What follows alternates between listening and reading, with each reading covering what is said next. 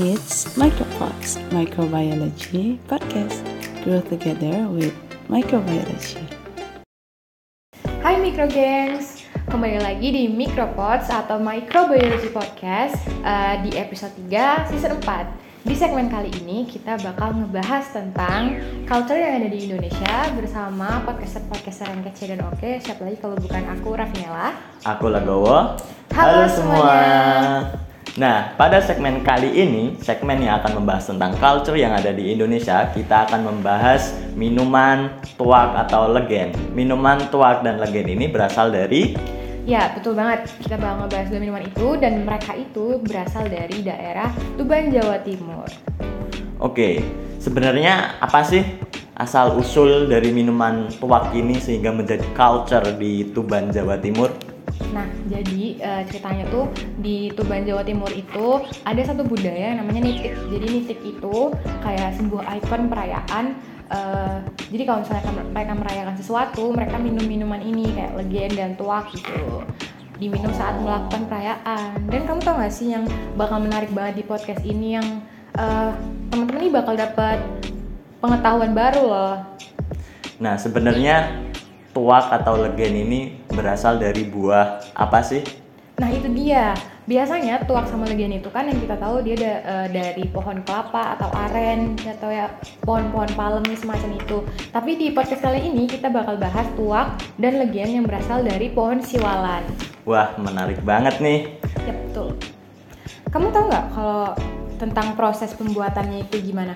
Nah, buat proses pembuatan minuman legen atau tuak ini itu berasal dari pohon siwalan yang diambil bunganya, bukan diambil tapi dicari bunganya lalu hmm. dari bunga tersebut hmm. itu dipukul agar bunga tersebut mengeluarkan cairan atau getah. Oh, digeprek gitu. Iya. Oh. Nah, dari getah atau cairan yang keluar tersebut itu dikumpulkan. Lalu disadap dan jadilah minuman legen dan tuak itu. Oh, berarti butuh banyak bunga ya kalau kayak gitu?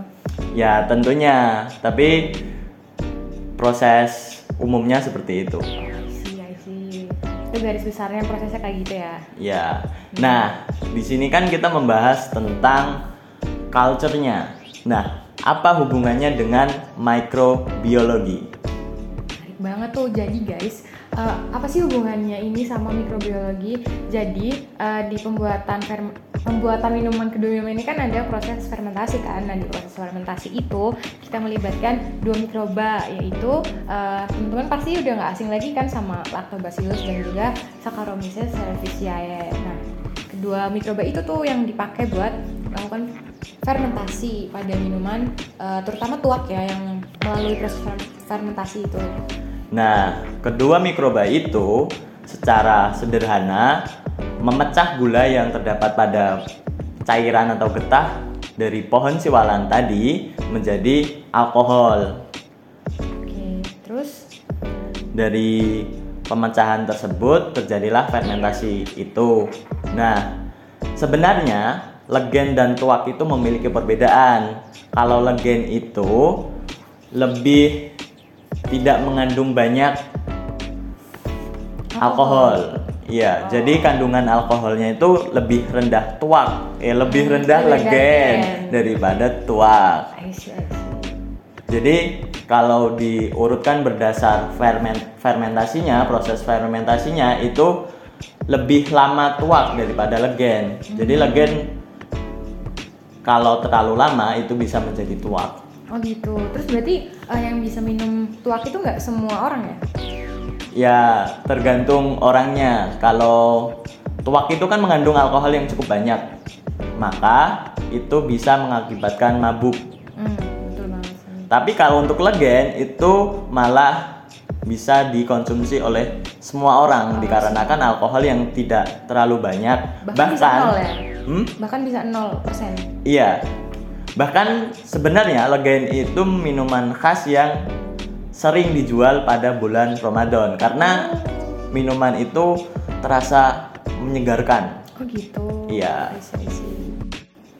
Nah, bagus banget tuh tadi pemaparan dari Legowo. Jadi kita kan udah ngebahas ya dari awal banget nih asal usul kedua minuman itu, budaya yang uh, budaya dari mereka, terus juga pembuatan proses sampai juga mikroba yang dipakai di proses fermentasi. Nah, tapi uh, tadi kan kamu jelasin kalau si legian itu bakal jadi tuak.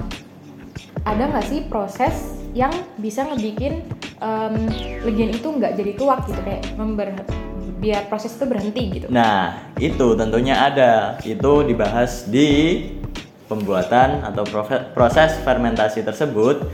Jadi sederhananya itu kan merupakan proses fermentasi yang dibantu oleh mikroba. Hmm.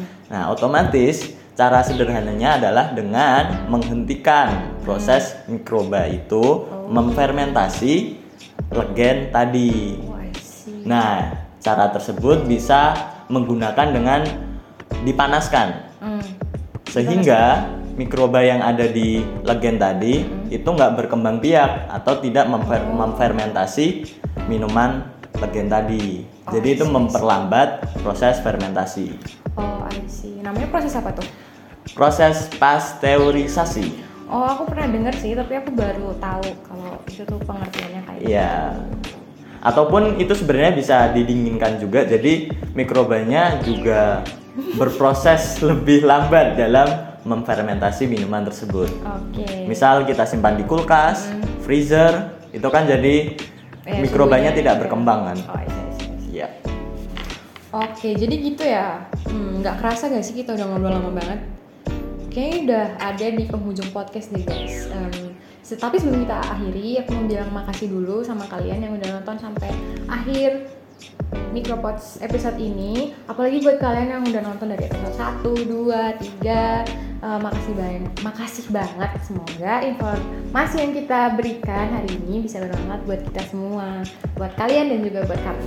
Nah, buat teman-teman, boleh banget nih buat komen makanan apa atau minuman apa yang khas dari daerah kalian semua. Benar, kita penasaran banget soalnya. Jangan lupa komen ya. Oke. Terima kasih dan, dan see, you.